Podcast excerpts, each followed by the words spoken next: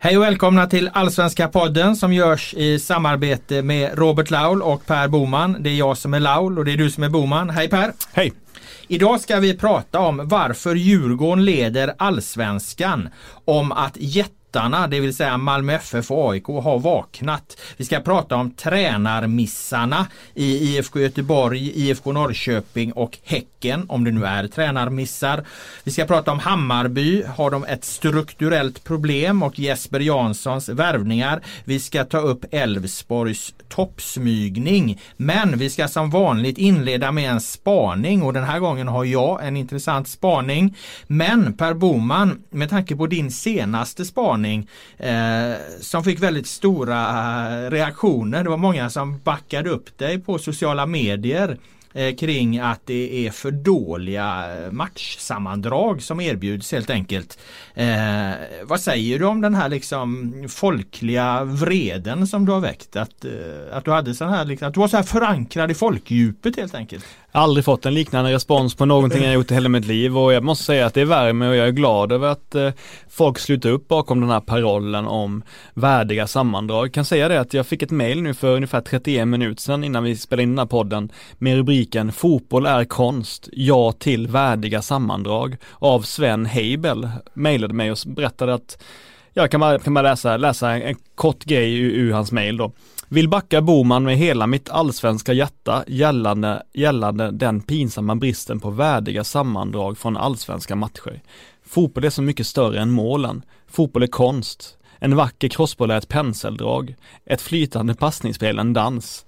En fyndig ramsa är poesi. Samba, Rembrandt, filmning. Fotboll är konst. Att skildra en fotbollsmatch genom att endast visa målen är som att sammanfatta ett Pink Floyd-album med en refräng. Som att beställa kinesisk mat och få friterade räkor och sötsursås. Som att beskriva sin sommar som två bad och en Piggelin. Det är ytligt, torftigt och missvisande. En vä ett värdigt sammandrag speglar både helheten och detaljerna. Det fångar matchens karaktär och unika personlighet. Anspänningen, rytmen, spelmönstren. Givetvis tillsammans med de avgörande ögonblicken. Ge oss fotbollen tillbaka. Vänligen Sven, han borde få jobb här tycker jag. Vilket fantastiskt mail. Ja, det var ett fantastiskt läsarmail som väl fångade essensen i din kritik också här kan man säga. Jag, jag tror jag var med på allting förutom hans kritik mot eh, friterade räkor och sås på Kina-restaurangerna. Det, det var inget fel på den beställningen. Eh, även om jag hellre väljer friterat fläsk. Eh, är du nöjd då med den här spaningen eller vill du tillägga något ytterligare? Har du, har du fått några, sett några konkreta effekter utöver målande mejl? Alltså har det hänt någonting? Mm. Har makthavarna lyssnat eller måste, måste liksom folket upp ännu mer på barrikaderna i den här frågan? De har, de har faktiskt hört av sig, bland annat från SEF hörde, hörde en, en nyckelperson på SEF av sig och sa att, att han hade hört kritiken och sa att det finns faktiskt eh, en hemsida där, eh, på deras, på deras app då, eh, Svensk fotbollsapp tror jag att det är, eh, så kan man se på klipp och man kan se enskilda klipp från matcher och sådär. Det låter inte riktigt som det duger. Nej jag vet inte, alltså man säger så här, de har inte riktigt, det har inte, de har inte fått den spridningen som de vill i så fall för den appen. Jag har inte hört om det. Jag gick in och kollade lite och jag känner mig inte helt bekväm med det så att nej jag, jag, jag säger fortfarande att det måste ställas högre krav på rättighetsinnehavarna. Du kräver mer än en app? Ja, jag kräver, ja, ja, ja.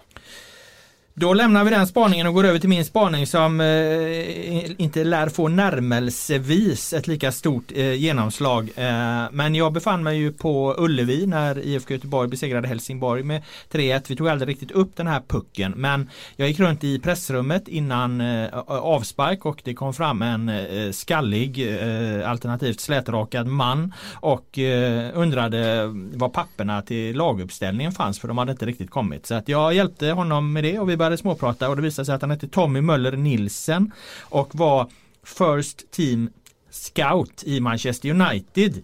Eh, och han var alltså där och scoutar för eh, Uniteds A-lag, inte för ungdomsakademier och sådana här eh, saker. Och, och, det var ju kanske lite svårt att begripa vad, vad, vad han, eh, vad, vad, vem i IFK Göteborg eller eh, Helsingborg som kan tänkas gå in i Manchester Uniteds A-lag.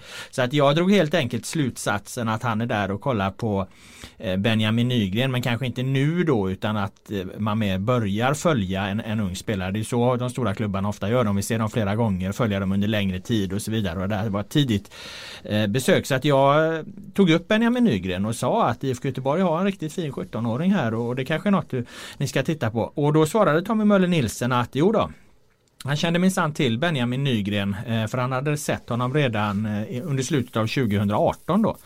Och Det kanske man inte tycker låter så märkvärdigt men då berättade han en annan grej när vi fortsatte prata och, och det var om hur det hade gått till när Victor Nilsson Lindelöf värvades till Manchester United. Eh, Tommy Möller Nilsen hävdade alltså att Första gången United hörde talas om Victor Nilsson Lindelöf egentligen var eh, 2016 hösten när han spelade en landskamp för Sverige mot Frankrike. Det var första gången, i alla fall första gången de såg Victor Nilsson Lindelöf för han satt, eh, han satt på bänken i Benfica vid den här tidpunkten. Eh, och de hade alltså ingen riktig koll på honom men när de såg hur bra Lindelöf hanterade Oliver Giroud, hur, han gick upp liksom i duellerna, hur hård han var mot den store Giroud.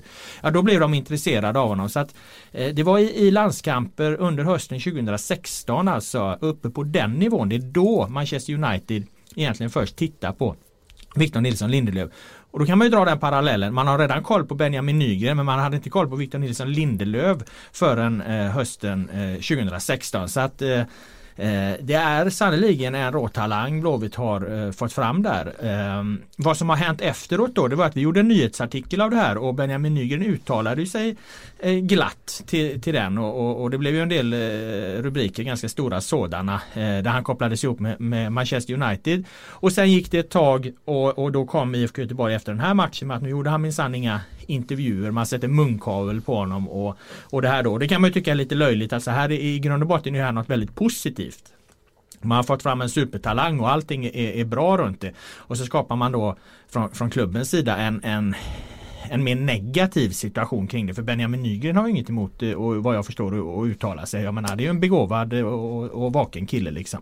Så att eh, Ofta är det så när fotbollsklubbar när de ska liksom ta beslut kring media och så här då, då, då, då, tar man något som i grunden är positivt och så skapar man en negativ situation kring det. Så att eh, ja, det, det är min spaning. Den har ingen skarp slutsats utan det är mer liksom en ögonblicksbetraktelse från den här scoutingvärlden som ju pågår konstant runt unga spelare och eh, ja, hur det då mynnar ut i ett, eh, en munkavle på Benjamin Nygren ett litet inspel där i den frågan. Jag kan liksom inte avgöra ifall det är rätt eller fel att skydda en ung spelare. Det finns säkert massa positiva sidor med det, men jag tycker mig ana ett litet, litet AIK-komplex i den här frågan. För de agerade precis likadant med Alexander Isak när han slog igenom att eh, ja, det var några intervjuer i början och sen så fick man inte prata med honom egentligen på några månader för att man ville hålla honom eh, fredad ett tag helt enkelt. Eller honom fick man i och för sig prata med efter matcherna, till skillnad från Benjamin, Benjamin Nygren då, men man, man, skulle inte prata med honom så mycket i övrigt, för de ville freda honom för det var så otroligt mycket hype kring det.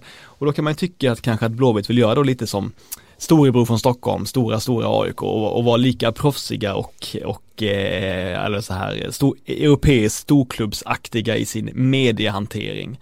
Eh, jag vet inte för jag tycker att det är så ja, häftigt egentligen, men jag, jag tror att det är, kan finnas en att man har kollat lite åt det hållet. Vi får se om den här spaningen väcker lika starka reaktioner hos våra lyssnare som din gjorde. Eh, vi ska kasta oss över till dagens fem huvudämnen och där har vi på ämne, som ämne ett eh, varför leder Djurgården allsvenskan? Eller därför leder Djurgården allsvenskan? Eh, för vi ska ju faktiskt ta och försöka förklara det. För det är ju så efter fem spelade omgångar, en sjättedel av eh, den allsvenska säsongen. Eh, man kan väl inte säga att tabellen har satt sig ännu. Det brukar den ju egentligen göra först framåt runt tio omgångar. Då bör man väl liksom kunna se de, de liksom stora skiftena. Men det här är ju i alla fall något som pekar i en, i en riktning att Djurgården kanske är på väg att göra en väldigt bra säsong. Eller? Ja, jag håller med. Jag är extremt positivt överraskad till eh, Djurgårdens inledning på säsongen. Eh, och jag har suttit och funderat nu under förmiddagen på vad är det som de är bra på, varför tycker jag att de är imponerade och då har jag landat i att jag tycker att deras centrallinje är riktigt bra. Alltså ytterbackarna har varit helt okej okay och yttermittfältarna har gjort bra insatser och Buya Turay har gjort mål och sådär men det jag tycker som är verkligen imponerande det är mittbacksparet och innermittfältet. Och då tänker jag framförallt då på såklart Erik Berg och Marcus Danielsson och eh, Ulvestad och Karlström. Eh, det, jag tycker att de är hjärtat i, det hjärtat i det här laget och det är det som gör att Djurgården har gått så bra. Håller du med?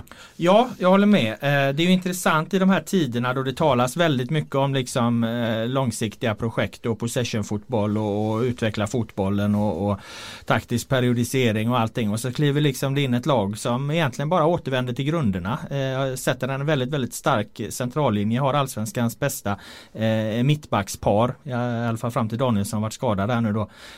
Och, och visar att de genom en stabil defensiv och inte något särskilt liksom stor press på att de ska ligga i, i, i topp i allsvenskan så, så, så, kan de få ihop de här bitarna och, och, spela ganska avslappnat ändå framåt. Jag upplever inte att de, de blir riktigt lika stressade som andra storklubbar när de inte får in bollen utan de är ganska metodiska, de visar tålamod i situationer de behöver visa tålamod särskilt mot Norrköping då och, och jobbar den vägen hem en poäng där också.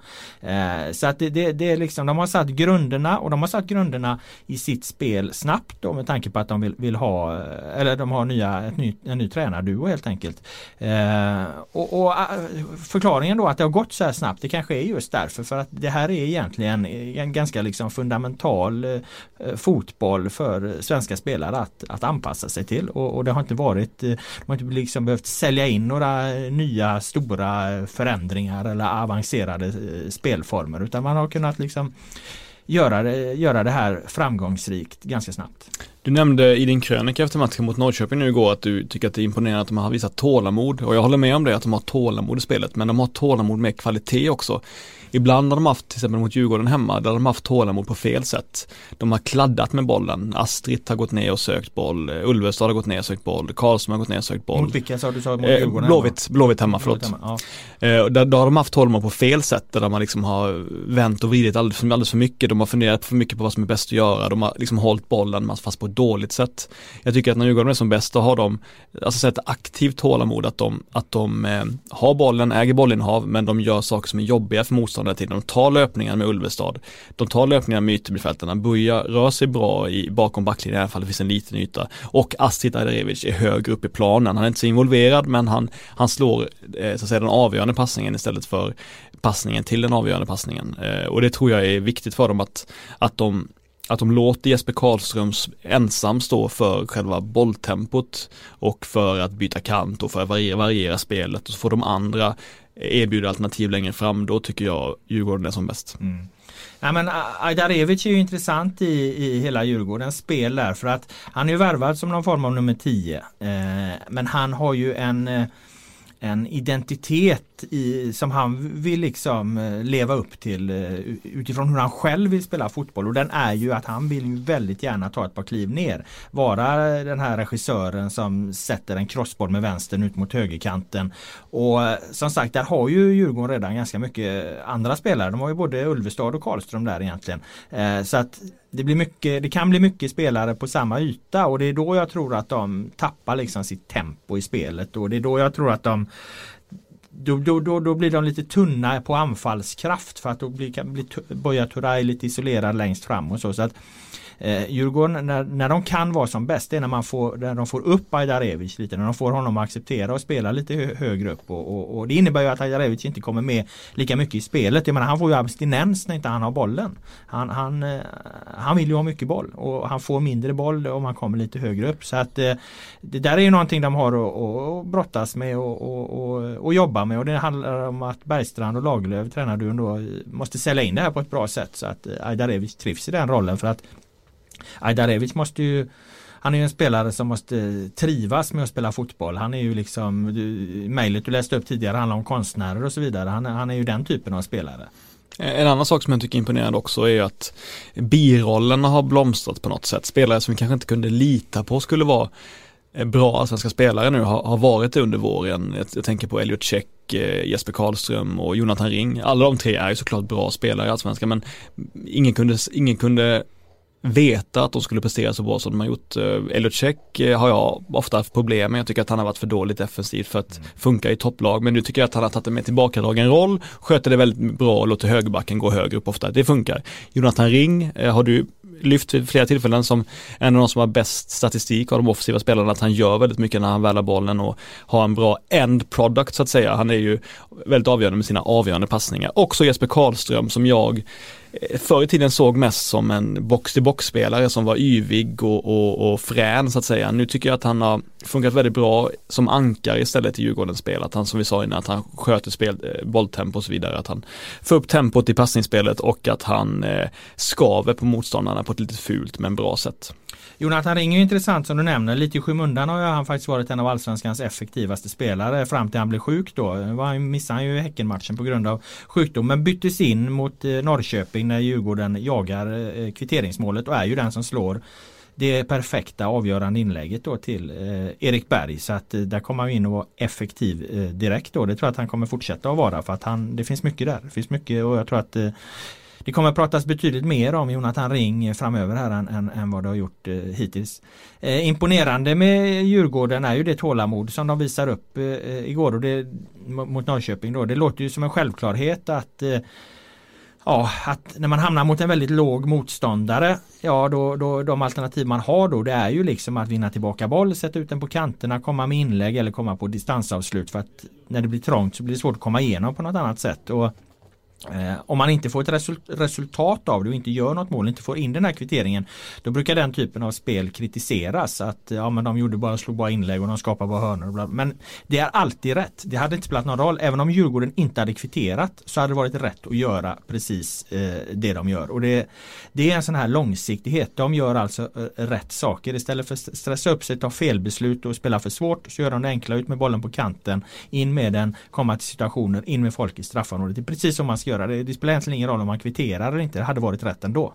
Ja, Simon Tern sa efteråt när jag pratade med honom, det var väl väntat sa han angående ledningsmål, eller kvitteringsmålet. Eh, han menade bara att, eh, att de kunde inte liksom säga att det var orättvist eller på något sätt eftersom Djurgården haft just det här trycket under hela andra halvleken. Så han tyckte att det var synnerligen välförtjänt för Djurgården att få in det målet. Jag fick lite reaktioner särskilt då från irriterade gnagare eh, på att jag hade skrivit att inget lag förtjänar att leda allsvenskan lika mycket som eh, Djurgården och det, det högg ju gnagarna på då givetvis för det, det, så ska man inte säga om Djurgården tycker de då. Eh, men jag menar helt enkelt att de har haft väldigt mycket emot sig här i början av allsvenskan. De har haft väldigt mycket skador och sjukdomar. De kom med halva laget borta eh, mot Häcken. och, och sen har den här olyckliga kollisionen då mellan Tommy Vaiho och Marcus Danielsson.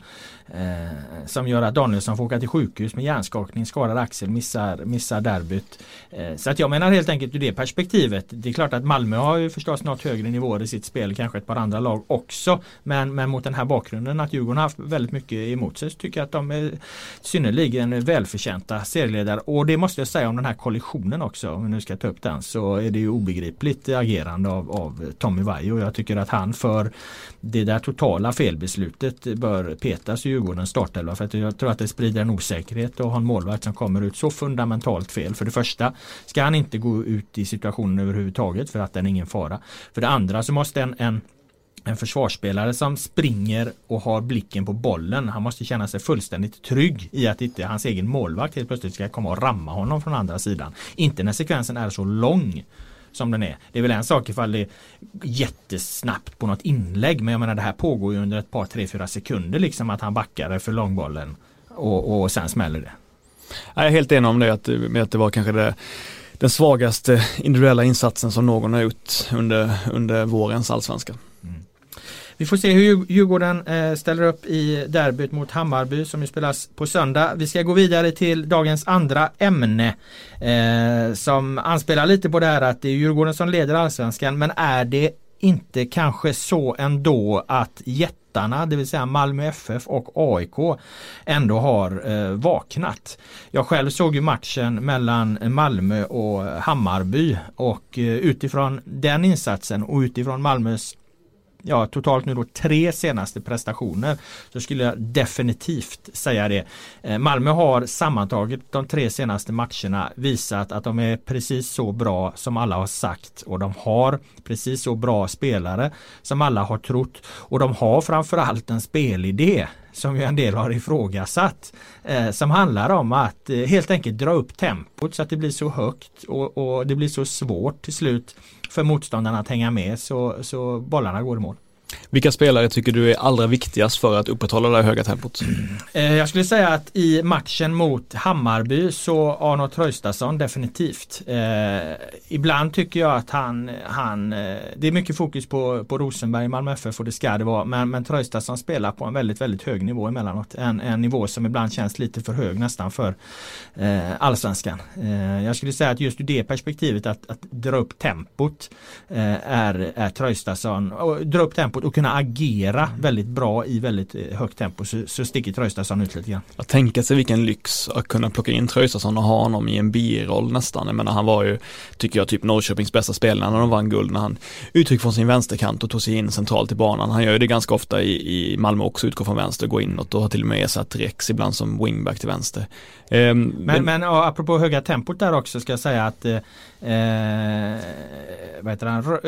Uwe Rössler var ute i en intervju med våran eh, vän och kollega som bevakar de skånska arenorna Johan Flink och där sa han att eh, han lyfte fram Rasmus Bengtsson väldigt mycket. Mm. gjorde han inför matchen mot Hammarby. Så att jag eh, tittade lite speciellt på Rasmus Bengtsson. Vad, vad Rasmus Bengtsson då utöver försvarsspelet gör oerhört bra det är att han, han bryter och spelar framåt i, i, i samma sekvens. Eh, han gör det flera gånger mot Hammarby. Han behöver liksom inte ta brytningen, vända om, rulla sidled utan han kan kliva in, ta brytningen och se en snabb passning framåt. Det drar ju också upp ett tempo. Han gör det fruktansvärt skickligt. Jag vet inte hur specifik Rösler egentligen var i vad han lyfte hos Rasmus Bengtsson. Men det är klart han spelar ju med, med två eh, mittfältare bredvid sig egentligen så att det är ju en del av det hela. Men också det här med att, att snabbt liksom starta anfallen samtidigt som han bryter har varit väldigt, var väldigt utmärkande hos Rasmus Bengtsson i matchen mot Hammarby. Jag tänkte säga det, alltså att Rasmus Bengtsson, att han är en av allsvenskans tre bästa mittbackar är ju solklart. Men det här just för tempot, vad betyder det för Malmö att ha en just Lewicki som ändå är en bra bollspelare till, till vänster och Erik Larsson som ändå är i grunden offensiv ytterback till höger. Vad gör det för passningstempo att ha dem där så, all, så att alla är bekväma med bollen i uppspelsfasen? Ja, det blir ju att den aldrig stannar egentligen aldrig upp på det sättet utan eh, och du kan sätta ganska svåra passningar utan att eh, du liksom får ett avbrott i, i flödet. Eh, en viktig del är ju just Bengtssons då eh, första pass som spelar ju då rakt igenom Hammarbys första och ibland också andra press. Eh, men, men just när du även har Lewicki som gjorde en jättebra match mot Hammarby måste jag säga. Eh, och, och Larsson där så, så, blir det ju också att du, du, du, kan, du kan spela med, med, med en högre fart i passningsspelet. och, och, och för, för att liksom upprätthålla ett högt, ett högt bolltempo, ett högt tempo, ett bra passning, ett riktigt bra passningsspel. Då får ju laget egentligen inte ha några svaga punkter. Du får inte ha några svaga delar. Ofta, många svenska lag har ju tidigare haft problemet att man har haft ganska eh, skickliga spelare, till och med bollskickliga mittbackar och bollskickliga innermittfältare. Allt det. Man som har haft dåliga ytterbackar till exempel. Som inte har, så, så att varje gång bollen har kommit ut på ytterbacken så, så dör det liksom där. Och dör det på en spelare då, då, då det är svårt att få igång det här flödet. Men jag upplever att det egentligen aldrig någonsin riktigt dör på någon spelare i, i Malmö i de perioder de fungerar som bäst. Hur bleka såg Hammarbys vänstersida ut eller hur rädda såg de ut när Jo Inge Berget kom in också på högerkanten? Jag reagerade inte specifikt på att, att, att de bleknade då. Eh, men eh, Hammarby, din, din, liksom, din frågeställning är, är ju korrekt. För att någonting händer ju i den här andra halvleken. Och jag har, har fortfarande inte ett, ett klart och tydligt svar på vad det beror på. Eh, men Hammarby jag upplever att Hammarby antingen blir trötta på grund av att de är på eh, naturgräs, att de inte spelar på konstgräs. För att de tappade även andra halvleken mot eh, Helsingborg. Och, eh, eller, så, eller så är det liksom Ja nu kommer Berget in också. Malmö vrider upp tempot en aning. Då måste Hammarby eh, svara med att också kliva upp i, i, nivå ytterligare. Men istället blir man lite rädd, lite försiktig och så kliver man ner ett halvt hack istället och då blir skillnaden ganska stor. Det finns en ögonblicksbild från den här matchen som är intressant. I första halvlek så skjuter Marcus Rosenberg eh, runt straffområdeslinjen och jag tror det är Fänger som är snabbt upp och blockar det här skottet så det studsar undan. I andra halvlek kommer Traustason in i banan och, och, och, och skjuter och då är det tre Hammarby-spelare som försöker blocka skottet det är tre spelare som kastar sig mot bollen. Ingen hinner upp och blocka det. Och den går välplacerat förbi eh, Kurci i målet och han kan ju inte ta den. Så, så det säger någonting. Här har Malmö klivit upp ett halvt eh, snäpp i nivå. Samtidigt har Hammarby antingen av trötthet eller av, av liksom respekt för motståndet. Att de känner att matchen börjar glida dem ur händerna. Tagit ett halvt steg tillbaka. Och då är det då de här liksom målen kommer. Så att mm, matchen, Malmös seger är helt enkelt en, en rak och ren effekt av att man har bättre fotbollsspelare på planen och, och till slut kan Hammarby inte stå emot detta. Avsluta MFF-segmentet med en fråga. Hur högt, självförtroende, hur högt är självförtroendet i Malmö just nu, 1-10? Uh, ja, alltså Malmös problem är snarare att det där självförtroendet ibland ligger, någonstans runt 11 så att uh, det, det, när de kommer till sina bortamatcher och ska spela någon, någon, någon eh, lökig jävla match på påskafton i Uppsala eller någonstans så, så, uh, så är, är de på gränsen till övermodiga. Det, det är väl snarare det de har brottats med. Jag tror liksom att självförtroendet är sällan Malmö FFs problem. I alla fall inte att det skulle vara för lågt. Ehm, AIK Också en jätte som har börjat vakna. Eller jag hade ju en spaning om eh, eh AIK just efter Örebro-matchen. Vi pratade om olika läger. Att vissa var inne på att det är katastrof att förlora mot Örebro. Och det är möjligen att det är prestationsmässigt. Men att om man tittade lite djupare på det så såg man att det där var kanske AIKs bästa prestation. Det var första gången de, de med lätthet kom till skarpa målchanser. Sen lyckades de inte sätta dem. Men det där var ändå ett steg på vägen i rätt riktning. Fortsatte det mot Häcken skulle du säga? Nej, det tycker jag inte. Eh, den personlighetsförändrade Rickard Norling fortsätter då med ytterligare en stor förändring för, för, för AIK och det är ju då, han gör ju någonting som kan liknas vid från övergång till vänstertrafik till högtrafik. Eh, lika episkt är det då att han byter från fembackslinje till en fyrbackslinje som han då gjorde den här matchen första gången på sen han kom tillbaka. Det är alltså något unikt som, som händer. Eh, funkade det? Ja, försvarsmässigt så såg det väl inte så dåligt ut, så väl okej okay ut. Jag kan, jag, kan, jag kan förstå att, att de inte behöver ha en extra spelare där, det, det, det är inte orimligt. Men funkade det offensiven? Absolut inte, framförallt inte den första halvleken. Då var ju Goitom centralt och gjorde det bra när han fick, fick bollen. Eh, och så var alltså Obasi till eh, höger och Jack Lane till vänster. Men eftersom, eftersom, bara för att man byter formation så finns det ju ändå en försiktighet kvar över AIK-spel. Det, finns fortfarande den här grundideologin av eh, att vara lite mer reaktiva, vilket gör att Lane och, och Obasi blev typ defensiva yttrar i den första halvleken. Nästan i ett 4-5-1. Och det ser ju för hemskt ut för att de är inte yttrar. Ingen av dem är yttrar. Jack Lane fick liksom, så att säga, skulle lösa situationen med bollen och det är inte, han är faktiskt inte bra på det än och det kan man förstå för han är så ung. Eh, och Basi blev helt fel, han är så långt från straffområdet liksom. Han har inte den jag tycker inte han har den liksom, det drivet i sig längre för att klara den typen av rollbyten. Han var faktiskt likblek före paus och bara se en av de sämsta insatserna jag sett han göra i AIK-tröjan. Så därför säger jag så här, jag tycker inte det är värt att byta formation för att få in Lane i spelet. Det låter som att jag hackar på Lane, det gör jag inte. Han är väldigt bra för sin ålder och han gör fortfarande mycket bra prestationer. Men jag tycker, jag förstår inte varför han så varför, han, varför de måste tvunget få in honom i spel från start i varje match. Jag, jag förstår inte det. Jag vet att du tycker och anser att han är viktig med, med sin eh, instinktiva löpförmåga och så vidare, att han hotar på ett sätt som de andra inte gör. Men jag tycker fortfarande att de borde spela.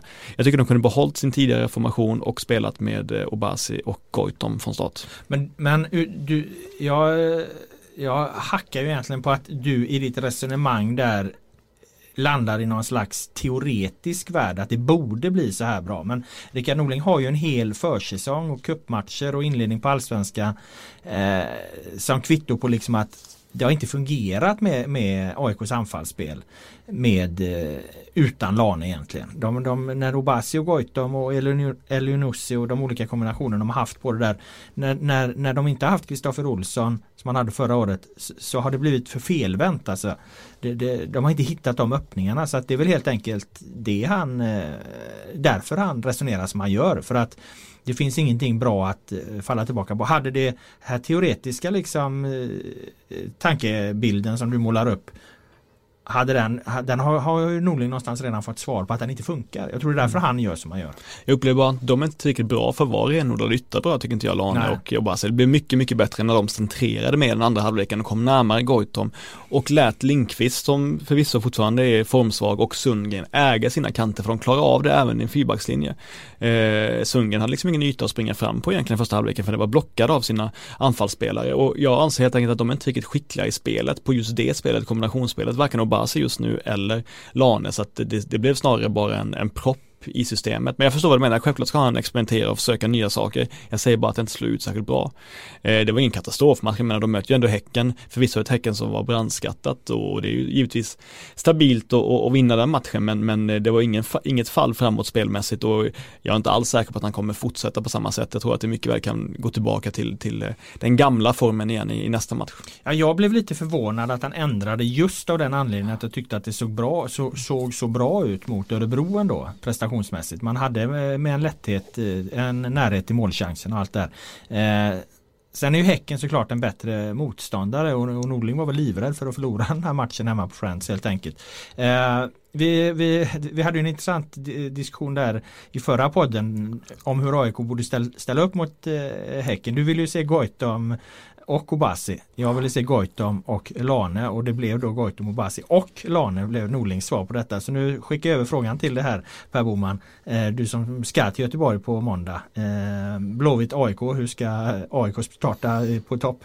Vilka ska spela? Ja, jag har ju den åsikten att Obasi borde starta ihop med Goitom på topp i ett tvåmannaanfall. Ja, absolut. Ja. absolut, jag är en evig försvarare också för Obasi för jag har sett vad som händer när han är som allra bäst och jag tror fortfarande att han har det i sig. Jag tror bara inte han ska spela ur position. Nej, så jag, anser, jag vet att det kan finnas ytor där och det är gräs och allt möjligt. Det kan vara positivt för, för, för Lane och få löpa in i. Men nej, jag står fast vid att det borde vara Goitom och Obasi på topp. Vad säger du? Eh, nej, jag tror att eh, Norling kommer att eh, spela vidare med Lana för att eh, IFK Göteborg eh, behöver ju ta sig lite framåt. De har ett ganska liksom, eh, vi ska komma in på IFK Göteborgs pressspel senare som är intressant. Eh, om de inte liksom sjunker så lågt som de gjorde mot Kalmar så, så kommer det finnas ytor för, för Lana att operera på mot, mot IFK på, på hemmaplan där. Så att eh, om det, om det, nu, såg jag inte AIK, nu såg inte jag AIK Häcken men om Obasi var så likblek som du sa då säger jag att eh, Goitom och, och Lane bör starta den här matchen. Sista grejen, vi säger att eh, mittfältet funkar väldigt bra mm. eh, mot Häcken. Ado var tillbaka i, i bättre form trots att han, eh, trots att Andreas Alm jävlades med honom genom att låta Nasir Mohammed eh, förfölja honom på planen så att han aldrig skulle känna ett lugn med bollen så kände han just ett lugn med bollen ändå och det mm. säger ju någonting om hur bra han kan vara som balanserande mittfältare om han inte ens blir eh, brydd av att någon punktar honom, vilket är ganska ovanligt att man gör med, med eller det är inte ovanligt att man punktar en spelfördelare, men att man gör det på ett sånt utstuderat sätt som Häcken gjorde. Han klarade det väldigt bra genom hela matcherna då, så att han ser ut att ha fått den näsbränna han behövde, för nu är han på, på gång igen. Vi får se hur AIK startar mot eh, IFK Göteborg på måndag. Vi ska gå vidare till tredje ämnet eh, och eh, rubriken där har vi tränarmissarna. Lite hårdraget kanske men det får sammanfatta följande tanke att Poya Ashbagi i IFK Göteborg går tillbaka till en 3 5 backslinje eh, efter att man har gjort tre väldigt bra prestationer i, i 4-2-3-1. Sett väldigt grundtrygga ut i sina positioner där.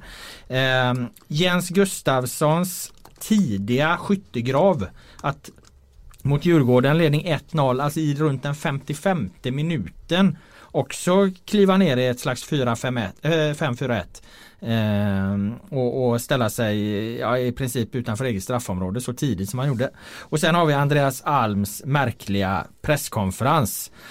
Eh, de tre grejerna där. Eh, om vi börjar med eh, IFK Göteborgs fembackslinje då slash trebackslinje mot Kalmar. Som ju Poja själv ändrar i paus och får en eh, ja, en positiv utveckling, utväxling på. Det blir helt enkelt bättre när man går tillbaka till det som har fungerat tidigare. Alltså borde man inte ha inlett så eller? Ja, alltså jag, jag, jag var ju samtidigt på Djurgården och Norrköping den här matchen så jag har bara sett brottstycken eh, av den här eh, matchen. Men som jag förstår det så fick Kalmar att det var ett passivt Blåvitt fick, lät Kalmar äga boll ganska mycket med Rasmus Elm i den första halvleken. Mm. Och det låter ju som ett eh, recept för katastrof om, om man ger han möjligheten att känna det lugnet för då är han ju som bekant allsvenskans bästa passningsspelare. Så det, på det sättet låter det ju märkligt att inte försöka sätta press på, på, på, eh, på, eh, på Kalmar. Men jag, jag, det märker, jag famlar ju i mörkret så jag, jag, jag, vet helt enkelt inte och det får man väl vara ärlig med att säga. Absolut. Eh, jag har under de senaste dagarna haft en ganska intressant eh, eh, skriftväxling med en eh, taktiskt bevandrad IFK Göteborg-supporter tror jag att det är. Mm. Eh, och eh, han har kommit med följande analys av eh, IFK Göteborgs spel mot Kalmar. För att vi var nämligen inte riktigt över, överens. Jag var väldigt imponerad av IFKs höga pressspel mot Helsingborg. Han var väldigt imponerad av IFK Göteborgs försvarsspel mot Djurgården. Men vi var inte riktigt överens om om hur det såg ut och, och, när vi hade resonerat ett tag så visade det sig väl att de spelade lite olika faktiskt. De, det, den gemensamma nämnaren i Blåvitts insatser mot Djurgården, Helsingborg och även Elfsborg har varit liksom en taktisk flexibilitet, att man har sett annorlunda ut. Och så här säger den taktiskt bevandrade IFK Göteborgs supporten om eh, insatsen mot Kalmar. Hey there, it's Michelle Norris. I'm host of a podcast called Your Mama's Kitchen. When I travel, I'm usually looking for a way to find a taste of home when I'm not at home. And one of the things I love to do when I am at home is entertain. And Airbnb allows me to do that. When I was in California recently, I rented a house that had a great kitchen. And when we were sitting around the table, we we're all thinking, we're in someone else's house. Someone could be in all of our homes as well. If you have a home, but you're not always at home, you have an Airbnb. Your home might be worth more than you think. Find out how much at airbnb.com slash host. Första halvlek spelade Blåvitt ett kompakt 5-4-1 och väldigt lågt försvarsspel. Jag tycker Blåvitt gav bort matchen i första halvlek då man tillät KFF ta taktpinnen och styra. Då är Rasmus Elm en extremt bra fotbollsspelare. Dock var KFF ganska uddlösa framåt så de utnyttjade inte överläget särskilt väl. I andra gick Blåvitt över till ett 4-3-3 eh, eller 4-2-3-1 då, där August Erlingmark låg i sin tydligt sittande roll i det aggressiva höga försvarsspelet. Men han föll ner, precis som mot Djurgården, i en rak fembackslinje med fyra centrerade fältare framför och en ensam söder på topp i det låga försvarsspelet. Jag är otroligt fascinerad över Blåvitts taktiska flexibilitet både från match till match men även under matcher. Detta ser vi i de större ligorna men i Allsvenskan är det inte många lag som jag ser det och definitivt inte stenkoll på alla. Men jag tycker inte det är många som är så taktiskt flexibla under matcherna. Mycket intressant roll August Erlingmark hade och som Barney hade i första halvlek mot Djurgården. Eh, Ja, det är möjligt att eh, hyllningarna är något överdrivna men jag tror att spaningen är, är intressant som man gör och det är därför man inte liksom kan säga att IFK uppträdde exakt eh, mot Helsingborg som de gjorde mot, mot Djurgården men det fungerade i, i, på, på väldigt bra sätt. Och, och jag tror nyckelordet just är taktisk eh, flexibilitet. Ja, jag håller med om det. Jag upplever att Jon Spanien faktiskt hade en nyckelroll på det sättet mot, mot Djurgården. Att han var väldigt bra på att få med sig resten av laget i en intensiv hög press när läge gavs. Men att de som sagt, som han säger i mejlaren, inte alls var obekväma med att falla tillbaka heller. Så att eh, nej, det, det finns en, en trygghet i laget som vi inte skådade förra säsongen. Ska vi då fria Poja här från eh, vår rubrik eh, tränarmissan här från den här omgången och, och egentligen säga att, att eh, allting har varit en del i IFK Göteborgs taktiska flex flexibilitet och att man därigenom ju hämtar en poäng borta mot Kalmar. Det är väl inget dåligt liksom poängmässigt resultatutfallet är ju inte dåligt att få en poäng borta mot Kalmar för dagens IFK Göteborg. Nej, man kan ge honom beröm ju för att han har haft, att han har två olika möjligheter, att han kan variera spelet, men man kan ju fortfarande kritisera honom för att välja fel, eh, så att säga, alternativ från start. Eh, Jens Gustafsson då, eh, som ju kröp ner i den här tidiga skyttegraven då mot eh, IFK Norrköping. Eh, eller mot Djurgården. IFK Norrköping kröp ner i den här tidiga skyttegraven mot Djurgården. Jag eh, såg matchen på tv, du var där på plats. Eh, jag skrev i min krönika att det här var svårbegripligt att man faller ner så tidigt. Eh, har du en annan bild? Ja, jag frågade, eller vi frågade på presskonferensen Jens Gustafsson efter matchen. Han är väldigt tydlig med, han vill ju slags sätta någon slags eh, stämpel på det laget. Han sa så här flera gånger, vi har, vi har haft en svår period, men vi har ändå bara förlorat en match under den här svåra perioden. Ganska fattigt försvarstal, men han försöker väl då mena på att det inte är så jävla illa som folk tycker, men jag tycker nog att det är ganska illa just nu i Norrköping, att det är, det är jobbigt att ha den här dåliga poängskörden så länge och förklaringen till att de föll, föll tillbaka, det sa han var delvis medvetet och delvis, delvis omedvetet. Men ett skäl till det var att han menar att de har många spelare på planen som inte var redo för 90 minuter, som inte var så att säga, eh, som inte riktigt klarade av det. Därför tvingades de falla tillbaka lite mer. Därför fick Kalle Hanberg vara ensam kvar på topp och därför fick Simon Skrabb fälla gå ner lite höger för att när Haksabanovic gick ut. Han sa att de föll alldeles för lågt. Det var inte meningen att det skulle bli så lågt, men han menade samtidigt på att, att det var, det fanns den förklaringen då att, att eh, de inte var så att säga matchvana eller, eller bekväma med, med varandra nog för att kunna Eh, ha ett eget spel i högre utsträckning i den andra halvleken. Det var, det var hans eh, förklaring till eh, den faktiskt eh, oförsvarligt passiva andra halvleken. Eh, Simon Tern efteråt, jag ska inte säga att han var kritisk, men han, han tyckte, han sa ändå att jag tycker att det var fel att vi gick över till ett till ett 5-4-1 i andra halvlek, att de gav bort matchen på det sättet. Han tyckte att det faktiskt inte riktigt hade behövts. Det fanns för få alternativ framåt för att lösa situationerna. Det fanns inte möjligheten att göra det som de kan väldigt bra, kombinationsspel och han sa att det var jävligt onödigt helt enkelt med tanke på att de har spelarna som kan göra det. Det såg de i den första halvleken så han sa jag förstår inte varför inte kan göra likadant i andra halvleken. Så ja, det var väl eh, någon typ av kritik mot tränaren får man ju säga ändå. Mm. Av det långa resonemanget så bryter jag ut då att det som är uppseendeväckande är ju att det är just Norrköping som gör det som mm. har så många skickliga eh, passningsspelare, fotbollsspelare så att de borde eh, likt Djurgården, när Djurgården tog ledningen med 1-0 mot Häcken om vi gör den jämförelsen eh, så sjönk Djurgården ganska lågt men de blev aldrig liksom tillbaka manglade för att de, de eh, vågade mm. spela upp Ajdarevic och så vidare och så höll man i bollen och flyttade upp laget och allt det. Det borde Norrköping ha kunnat göra. Men det finns en annan del, jag sa att det var två saker jag skulle plocka ut ur ditt långa resonemang. Den andra saken det var det Jens Gustafsson nämner där för jag har hört många tränare återkomma till det är att eh, vi är ju inne i en period med tre matcher på extremt mm. kort tid liksom. Det här är första gången i år som, som det kommer in en, en veckomatch precis eh, och, och jag märker att tränarna tar stor hänsyn till det här. Det är många olika beslut och, och saker som förklaras just med det. Ajdarevic i Djurgården till exempel spelar inte från start på grund av, av att de har ett derby som väntar och, och så vidare. Haksabanovic byts ut tidigt ja, i väntan på Malmö-matchen. Haksabanovic som hade varit väldigt rörlig och, och ganska delaktig så långt liksom blir utbytt och så. så att eh, Jag tror att eh, Ja, frågan är om vi ska fria Jens Gustafsson lite också här då med tanke på att den här aspekten med, med, med tätt matchschema och så. De har en match mot Malmö som väntar att, att, att man måste ta in det där mer i beräkningarna. Tränarna ser den stora bilden medan vi liksom ställer in den stora kanonen på, på, på ett par detaljer. Jag vet inte, Djurgården har ändå derby på söndag men kunde fullfölja med full kraft hela matchen. Jag tror helt enkelt att att laget var för svagt för att hantera den eh, så att säga massivt starka centrallinjen som Djurgården har och att mm. de föll tillbaka och var, oskick, var inte riktigt skickliga heller när de väl fick bollen. De, var, de, de hade, det var för stora möjligheter att såra, såra Djurgården i kontringsspelet men där slarvade Norrköping också på ett sätt som jag är ovan vid att se dem. Så jag tycker att det var i lika delar oskicklighet som eh, dåligt taktiskt val att bli så passiva.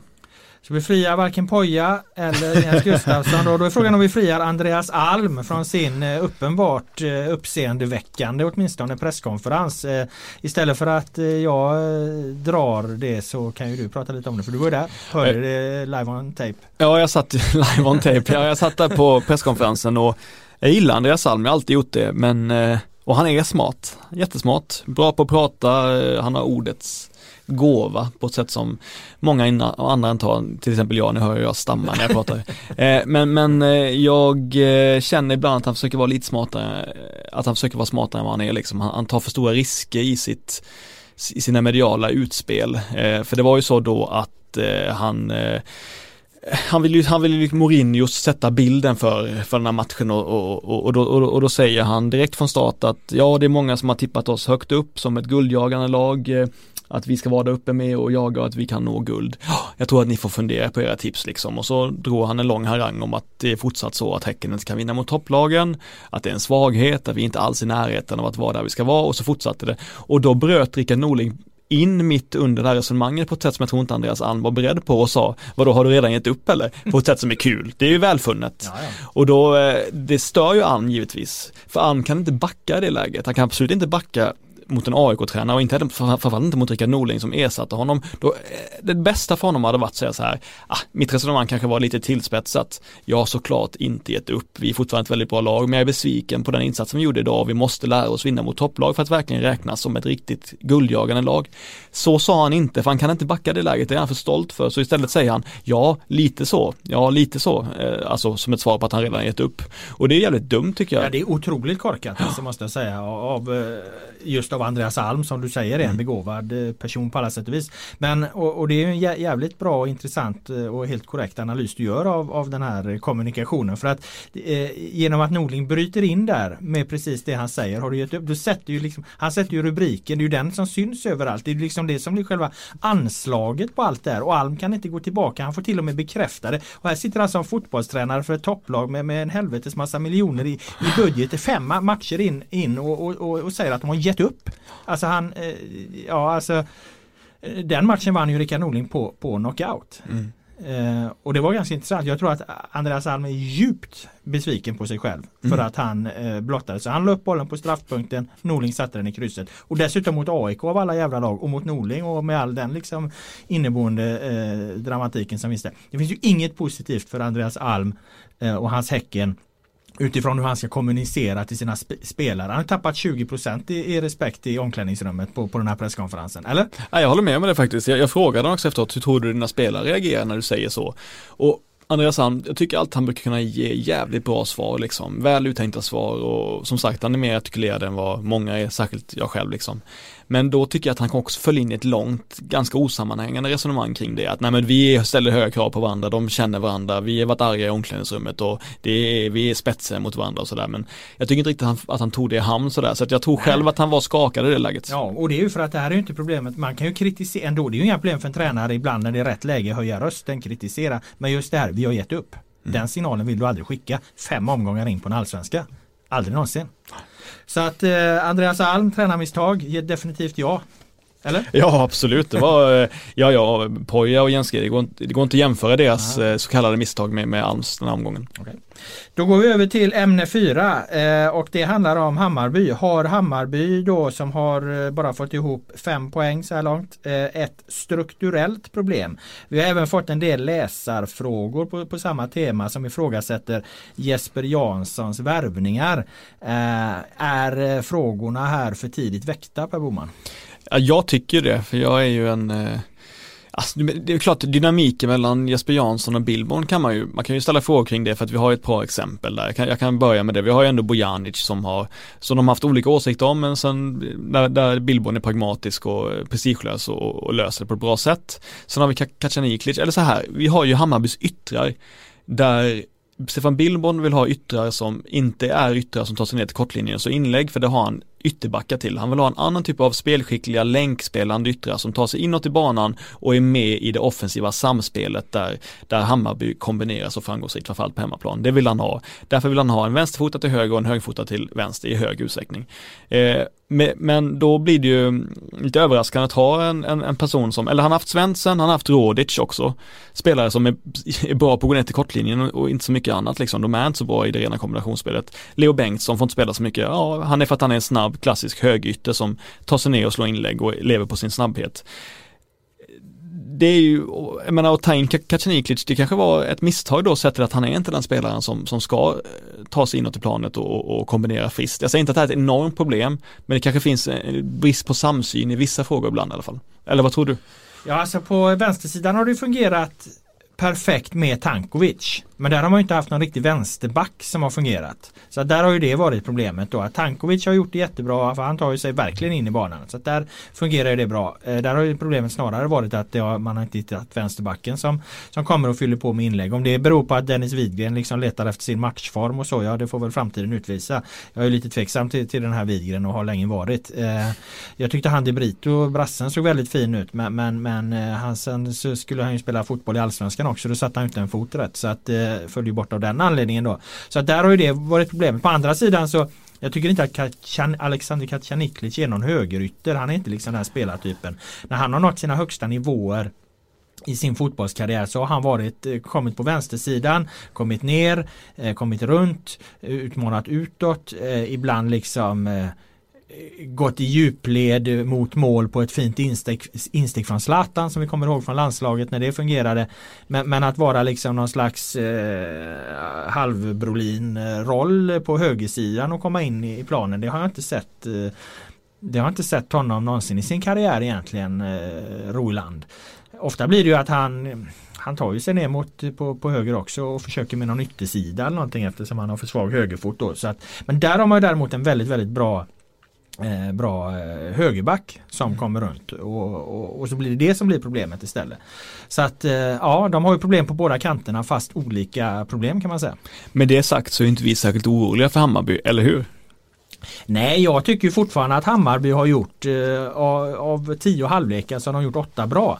Eh, de har för djupa dalar när de väl går ner sig. De har en för låg lägstanivå. Det, det, det, det är ju Hammarbys problem och de skulle behöva två eh, Mats Fänger. Eh, för, för att i vissa matcher så så passar inte Bojanic eh, riktigt. Eh, mot Malmö FF så gör, han det bra i första halvlek men, men sen så, eh, så är det ju hela laget egentligen som rasar igenom andra. Ska vi inte lägga allt det på, på Darijan Bojanic. Eh, men det är helt enkelt för låga, låga dalar i, i, i, i deras spel. De har fått för lite poäng också. Hammarby borde väl haft en ja, en åtta poäng i alla fall sett till, till hur matcherna faktiskt har sett ut. Det är inte så himla många andra lag man kan så tydligt säga det om som just Hammarby. Mot Malmö FF däremot, där, där ska de inte ha några, några, fler, några poäng alls och det får de inte heller utan det, det är fullt rättvist att de förlorar den matchen. Men de gör en intressant sak som kanske kan bli intressant för Hammarby framöver här och det är ju att de mot Malmö så överger de ju lite av sitt grundspel. Deras grundspel är ju att dominera matcher. De har haft väldigt höga bollinnehav i alla sina matcher. Det är så de vill spela fotboll, det är så de kan spela fotboll och det är därför jag tror att de ofta faller igenom ganska djupt ibland eh, eh de perioder de inte har bollen för det är de inte alls lika trygga i när de inte har boll. Eh, men mot Malmö går de in med en annan inställning. Eh, de lämnar över in initiativet eh, till Malmö. De har ett, ett aggressivt, kompakt, tajt och bra eh, försvarsspel som Malmö FF har svårt med i, i första halvlek. Och i, i, takt med att Hammarby känner att det här sitter, ja då kan de också i periodvis plocka fram de eh, väldigt höga eller stora kvaliteter som finns i det offensiva spelet. Det är en fantastisk passning av Jeppe Andersen. En enormt fin mottagning av eh, Tankovic och ett bra avslut liksom till, till 1-0. Så att eh, det är en jättefin första halvlek de, de gör mot eh, Malmö. Men sen skruvar Malmö upp nivån ett snäpp i andra. Hammarby blir lite rädda slash trötta. Vi vet inte riktigt exakt vad det här beror på att de, de då gör en så oerhört svag andra halvlek. Men, men, men de kommer i alla fall ner en nivå och, och, och då är man chanslösa mot Malmö för att då, då är Malmö så pass mycket bättre.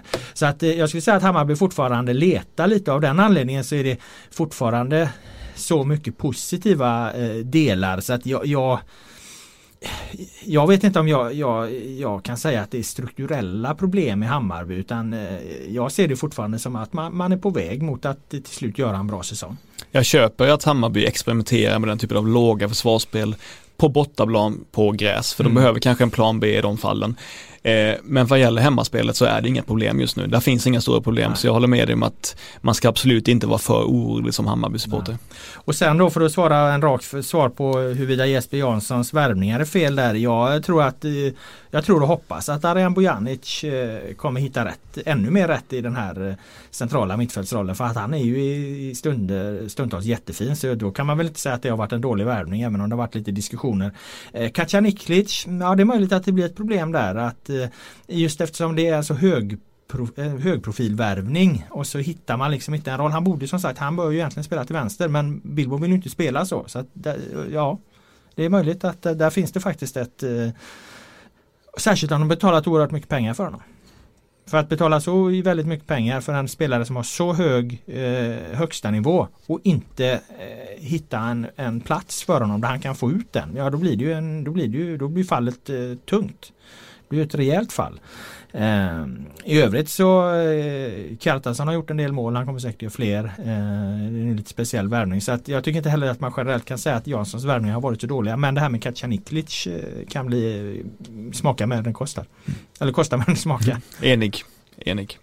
Eh, det, därmed har vi tömt ut Hammarby också och går över på ämne nummer fem och det är ju att tittar man på tabellen nu då som man ju egentligen inte ska dra för stora växlar på eftersom en tabell brukar väl sätta sig först runt omgång 10 eh, så ligger ju Elfsborg ganska högt upp där men de är väl också ett exempel just på det. Eh, vi har fått en del reaktioner från folk som tycker att vi ska ta upp Elfsborgs fina inledning men har den varit så väldigt fin egentligen? Alltså jag, de smyger med där i toppen men jag är väldigt tveksam till att det kommer vara. Ja men vi kollar på vilka lag de har mött alltså. De har börjat med Hammarby hemma, har Blåvitt borta, Giffarna hemma, Östersund borta och Örebro hemma. Mm. Det är inget mördande spelschema om man Nej. säger så. De har inte mött något av de allra bästa lagen än så länge eh, och fått med sig okej resultat, det måste man säga. Framförallt har de sett fina ut i offensiven och jag vet att det finns många Elfsborgs supportrar som tycker att de också har blivit bättre. Eh, defensivt så att, att det inte riktigt har kommit fram och det stämmer säkert liksom att de här inlånade, inlånade norrmännen och så vidare har varit relativt bra på, i defensiven men jag har inte sett det än så länge. Nej, och jag såg dem eh, eh mot eh, Östersund bland annat och tyckte att Östersund eh, ganska ofta kom igenom till ganska bra lägen där och då är Östersund ändå ett, ett, eh, nu för tiden ett ganska beskedligt fotbollslag så att eh, jag är heller inte övertygad om defensiven, absolut inte. Eh, det som är intressant med matchen mot Örebro som de ju vinner stort med, med eh, 4-2 är ju att de har alltså, de gör fyra mål. De har 15 avslut. Och de har ett bollinnehav på strax över 40 procent. Det är alltså en, en, en, en oerhörd effektivitet, inte bara i gjorda mål utan också att med ett så lågt bollinnehav ändå komma till så mycket målchanser. Så att, eh, den insatsen är ju klinisk men jag tyvärr är jag rädd att den Även om Örebro lyckades vinna mot eh, AIK så är jag rädd att den där eh, insatsen säger mer om Örebro än vad den säger om Elfsborg. Det leendet du sprack, sprack upp i när du fick säga att de hade så lågt bollinnehav, det var som en sol som steg upp här i, i poddstudion. Nej, men, jag... ja, men om du kastar den i ansiktet på mig så måste jag då säga att jag, jag har egentligen ingen åsikt i bollinnehavsfrågan. Eh, det handlar om vad man gör med bollen när man har den. Jag är bara så erbarmligt trött på den diskussionen som har varit att man måste ha ett högt, man måste satsa på possession, det är fotbollens väg framåt och så vidare. Så att jag skiter egentligen fullständigt i, i hur mycket boll spelare har hit eller dit. Det enda jag försöker göra göra med det här det är, att, det är att varje gång jag får tillfälle trycka på att det går precis lika bra att vinna fotbollsmatcher med ett lågt bollinnehav. Det, det, det, är inte, det är inte en definition på framgång att ha mycket boll. Kommer aldrig bli.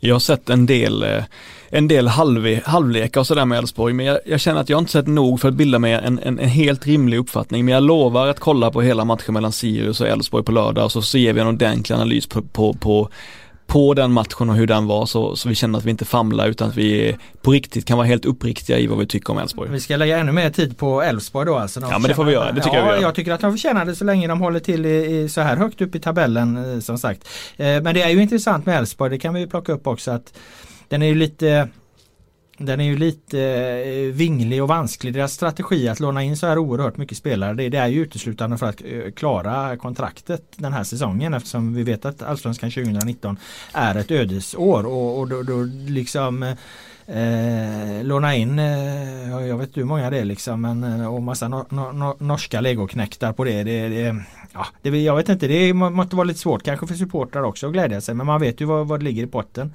att överleva det här allsvenska året. Skulle man däremot misslyckas och rasa ner i en bottenstrid eh, och, och till och med åka ur allsvenskan och, och ha gjort det med, med, med massa liksom lån då, ja, då är det definitivt ingen rolig situation. Eh, det om det. Vi har fått en satans massa läsarfrågor också. Vi måste beta av några av dem. Eh, Andreas säger att eh, han ifrågasätter reklamen på Guldfågeln Arena, sponsrade inkast och hörnor. Vad säger vi? Jag säger så här att eh, vad fan är det hela världen? Om nu liksom eh, klubbar försöker få intäkter på, på alla möjliga sätt liksom. Det, jag, jag tycker inte att det, om nu sponsorerna vill, vill kunna eller är beredda att betala pengar för att man läser upp, eh, det, det, det skadar väl ingen. Då får väl klacken får väl överrösta det. Ja, jag säger så här, jag tycker väl att generellt sett kan jag ha svårt när supportrar till storlag hånar mindre lag för att de fyller sina tröjor full, fullt med, med, med massa reklambanners eh, liksom. Det ser ju fult ut men det är smålagets verklighet att försöka utnyttja alla möjliga utrymmen. Med det sagt så tycker jag att det är för mycket hockey att presentera hörnor och inkast. Det är jävligt dåligt och jag vill inte höra det. Jag tycker att det är pinsamt. Jag tycker att det finns eh, större problem Men jag kan ställa, att ja. hetsa upp sig över måste jag säga. det skadar ingen och, och, och eh, stör väl knappt egentligen någon. Alltså att höra någonting är det så jävla farligt. Jag har svårt att, att gå igång på det där. Men jag kan ställa nästa fråga då mm. till dig då. Då är det Eh, Eh, Starre som frågar, får konstgräslagen frisparksfördelar på grund av ovanan med konstgräs? Ja, jag tog med den frågan för jag tyckte den var intressant. Jag har överhuvudtaget aldrig eh, reflekterat eh, över, över den men däremot så och jag tror inte att, att konstgräslagen får någon fris. Jag förstår inte hur det skulle vara. Däremot så finns det något intressant i hela det här och det är ju eh, nu när det är så oerhört stor skillnad på matcherna beroende på vilket underlag de spelas på. Lagen blir allt mer specialiserade på olika underlag och, och vi ser liksom som att lite hårdraget att det är två olika sporter och väldigt många matcher går på konstgräs. Jag tror ju att det händer något med domarnas eh, bedömning också. Det måste påverka även domarna där.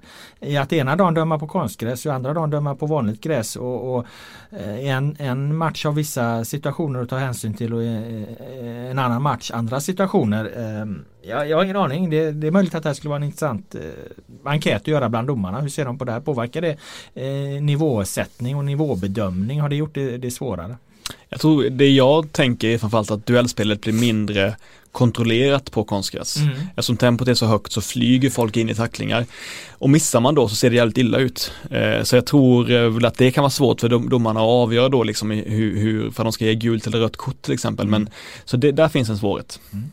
Eh, Sebastian, är Malmö FFs 11 offensivast någonsin i Allsvenskan? Vi kan tyvärr inte svara rakt upp och ner på den för att det krävs en oerhörd jämförelse. Men jag slänger ut, eh, slänger ut frågan här ändå. Det kan vara intressant att få lite inspel på den. Den är ju fruktansvärt offensiv. Det är ju i perioder bara två personer som ägnar sig åt försvarsspel i Malmö FF och det är målvakten och Rasmus Bengtsson. Eh, resten öser ju på framåt. Det, det, det är intressant att spela med en en, för Malmö spelar ju med en trebackslinje. De spelar ju mm. inte med någon fembackslinje. Eh, för de har ju eh, särskilt i andra halvlek när de även har berget ja. till höger då. Men, men of, det, det, är ju mer av, det är en ren trebackslinje här. Och, och alltså de spelar med, med då Ja alltså Lewicki är ju mittfältare i grunden. Liksom. Mm. Och, och, Larsson som sagt är en ganska offensiv ytterback. Så att eh, Alltså spaningen är ju intressant för att det kan vara en av de eh, man kan säga så här, man får backa liksom till, till, till 50-talet när man spelar så här formationer 2-5-3 och centerhalvar och mm. högerindrar och, och, allt vad det var liksom. Någonstans där så, nej men den är oerhört offensiv.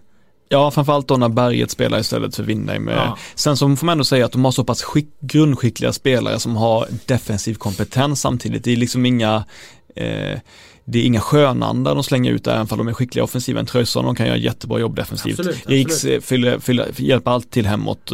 Bachirou är en bläckfisk som sagt och Christiansen tar ansvar. Så att de kan unna sig ha en så pass offensiv eh, stadga, eller så att säga viktning på laget för att men, de är så pass smarta spelare. Men det bygger ändå på att de upprätthåller sitt pressspel För att mm. när de tappar pressen då blir de sårbara med den där trebackslinjen. Mm. Det, det, det kommer uppstå sådana situationer. De måste i varje läge sätta ett ordentligt pressspel Mm. När de icke är samlade. Nästa... Och Lewicki är jättehögt upp i planen flera gånger i den här matchen. Alltså upp och slå inlägg och så. Ja, de blev överspelade även något tillfälle mot Sundsvall bort till exempel. Men nästa fråga. Mm. Mr B undrar då, polisens anmälningar, lägger de för mycket fokus på småsaker Robert Laul? Ja, alltså frågeställningen kommer utifrån att det har varit, nu har inte jag eh, eh räknat själv här då, men det har varit, var, var många anmälningar efter Malmö-Hammarby. Det var anmälningar mot eh, eh AIK spelarbussmottagning och, och så här. Eh, Alltså jag menar det ska ju vara ordning och reda på saker och ting. Det, det, jag menar fotbollen kan ju inte på, på något vis vara, vara en frizon. Vi hade inte resonerat så i något annat eh, annan del av samhället ifall det hade skett massa, eh, massa stök och, och saker som inte överensstämmer med lagen. Och jag menar jag tror att i botten återigen det här handlar väl om den här bengalfrågan. Liksom. Det, det, det har blivit ett eh, Polisen har hamnat, det har blivit ett problem för polisen att de står uppradade på de här matcherna, mycket människor på plats. Det brinner bengaler på läktarna, det är, ett, det är illegalt, det är uppenbara lagbrott och polisen gör ingenting. Så, så, så, det blir liksom en svår, det blir ett svårt förhållningssätt för polisen att bara låta lagbrott pågå inför öppen ridå. Och då försöker man nu på, på massa andra sätt eh, eh hantera de här bitarna. Men vi så hade den här flaggdiskussionen och allt det här. Jag tror att liksom det, det bottnar i, i den där, i, i grunden ligger den här konflikten att det där blir en omöjlig, omöjlig situation för samhället att bara låta det pågå. Det är ungefär som om någon skulle springa liksom och, och stjäla all, all korv och, och choklad och allting från, från kioskerna gång på gång på, i matcherna. Liksom. Det är väl brott med liknande eh, på straffskalan så att säga. Bränner du en bengal då får du, får du böter och snor du all choklad i kiosken så får Snor du, en choklad kan man väl säga då? Ja, ja, ja men eh, gör du det liksom så, så, så, får du ungefär lika mycket böter. Men, men det skulle inte heller accepteras att de här kioskerna blir rånade på, sin, eh, på sina produkter hela tiden och, och, och att polisen bara skulle stå och titta på. Det är väl liksom samma princip. Eh, så att nej, jag jag tycker jag, jag, jag förstår polisen som måste komma till rätta med det här på sätt och vis. Jag tycker väl i viss mån att de lägger för mycket fokus, på småsaker men det är en allmän bild jag har av polisen i samhället. Jag vill ju till exempel att de ska eh, kanske jaga skatteflyktingar snarare än folk som snattar och sådär. Så att jag, jag ser väl gärna att publiken, eller polisen skulle ta ett eh, större ansvar för de stora frågorna då. Eh, om man nu ska gå, komma ut som polisdebattör vet jag inte göra å andra sidan, vill jag, vill jag, vill jag betona. Så nej men jag, jag, tycker väl att det är eh, kanske dumt att de, för de är tvungna att backa där i Sundsvall, de backade nu och sa att ni får använda flaggorna så att det tyder ju på att det är att de har hållit på med lite testballong och sånt på ett sätt som ju inte har fått särskilt bra utfall. Så i, i grunden får man ju säga att eh, taktiken de har haft har varit eh, klumpig. Ja, Sundsvall var, var vi väl rörande överens om att de eh, hamnade snett på. Däremot så har de väl varit ganska tydliga och det kan väl kanske bli bra för eh, om man ser det ur deras perspektiv. Och nu har de satt någon slags nivå. Nu är det det här som gäller. Och, och eh, blir det Eh, sker det nu saker att det gömmer sig folk under de här flaggorna, ja då har man liksom någonstans satt nivån. Liksom. Då kan man gå tillbaka till det. Jag tror att det är så de resonerar. Jag läste någonting om det här med just bussmottagningen så såg att någon Twitter på skrev så att det var någon slags eh, slentriangrej man gör. På samma sätt som att man alltid anmäler en, en demonstration som inte har tillstånd så gör man, då anmäler man det, är inte sällan någon fälls för det så gör Nej. man på samma sätt då med, med det här då att det är ingen som har som jag förstår det, jag vet inte om det stämmer, eh, bett om tillstånd för den här bussmottagningen och därför anmäler man det som en slentriangrej då. Jag vet inte om det kommer leda till någonting. Så. Nej, precis. Och, och eh, ur det perspektivet så är det väl rimligt liksom att, att polisen ser till så att eh, lagarna upprätthålls även om det är småsaker. Jag kan inte komma ifrån det. Eh, en annan, en annat, vad ska vi säga, lagbrott, Bergs tackling. Eh, Erik Berg eh, som kommer med dobbarna mot vilken Norrköpingsspelare var det? Kalle Holmberg. Eller Kalle Holmberg. Såg du inte ja. han skrek efteråt? Han skrek, alltså han, han, han, jag älskar Kalle Holmberg för att han är så otroligt hetsig. Han är otroligt hetsig människa. Det var, det var, det är uppfriskande att se honom skrika ut tre, fyra gånger efter den här tacklingen. Verkligen bara skrika ut sin, sin frustration och sin, sin, eh, ja Eh, många ville ha rött på Erik Berg. Jag tycker att det var rätt med ett gult. Vi har mm. sett eh, lik, vi har sett värre tacklingar. För, för det första har vi sett värre tacklingar som har gett gult. Eh, mm. Wanderson mot Djurdjic. Eh, Solheim. Solheim i samma mm. match där. Några till. Domarna har eh, inte en nivå hittills där de ger rött kort för sådana här satsningar. Eh, I Djurdjic i Andersson och Solhemfallet Solheimfallet eh, hade jag eh, tagit ett rött för jag tyckte de var grövre. Just i det här tycker jag ändå att benet är inte sträckt och han kommer inte helt okontrollerat in i den här situationen. Erik Berg upplever jag inte jag och då måste det finnas marginal för att kunna ge ett gult också. Så att jag har liksom inga synpunkter på att det blir ett gult i den situationen. Nej jag tänker inte rasa över det gula men jag tycker nog att det är rött. Men jag tror att det är som jag sa problem med konstgräs ibland att det blir en okontrollerad fart i men tacklingarna. Han kommer inte in så jävla okontrollerat va? Gör han Ja, jag tycker han kommer in lite, eh, jo vad fan, det gör han ju. Nej, men det är så Stoppar kort, in båda dobbarna i benen på honom. Det är så kort, eh, kort ansats eh, till det liksom. Mm. Det är mm. mycket farligare när du i jättehög fart flyger in i. Här tar mm. han liksom ett par snabba steg och, och mm. bollen ligger öppen. Och han inne före. Mm. Jag tycker inte den är okontrollerad utifrån hur okontrollerad begreppet beskrivs i regelboken i alla fall. Eh, ja. Avslutningsvis Stefan vill att vi ska fråga Örebro SK Ja, jag, jag brukar få en hel del om jag ska ändra något i min tabell och så här. Lack, lack tips ligger men det jag, det jag liksom känner det är Örebro.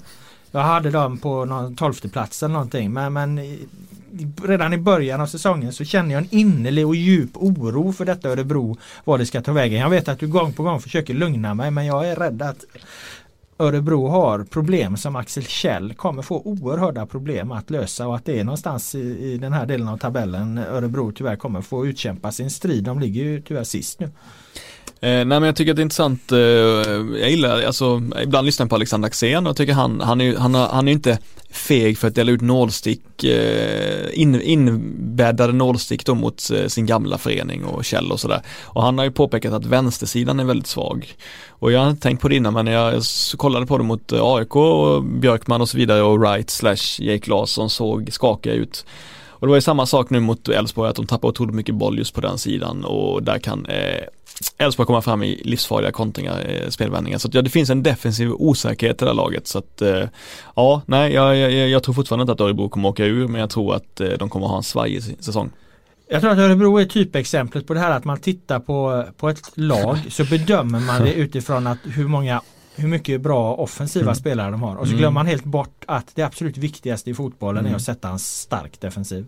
Nej men jag är enig, de har ju på det sättet är jag enig. De har dock, de har ju en medelgod allsvensk målvakt. Men de har ju mittbackar som inte är bra nog. Almebäck tycker jag har varit ganska överskattad sen han kom tillbaka faktiskt. Han har ju en, en, en, han har ju en fysik som få andra, eller hade åtminstone det, men jag vet inte hur det står till med den taktiska förståelsen och han flankeras av backar som inte är så jävla bra eh, i så hög utsträckning. Martin Lorentzon är ju egentligen ytterback, även för han har funkat okej okay som inneback ibland och så. Nej men det, det, är ju det, är det klassiska Örebro-problemet att man lägger mycket pengar och kraft på offensiva spelare och hoppas på det bästa med sina defensiva. Så var det ju även under Axén. Mm.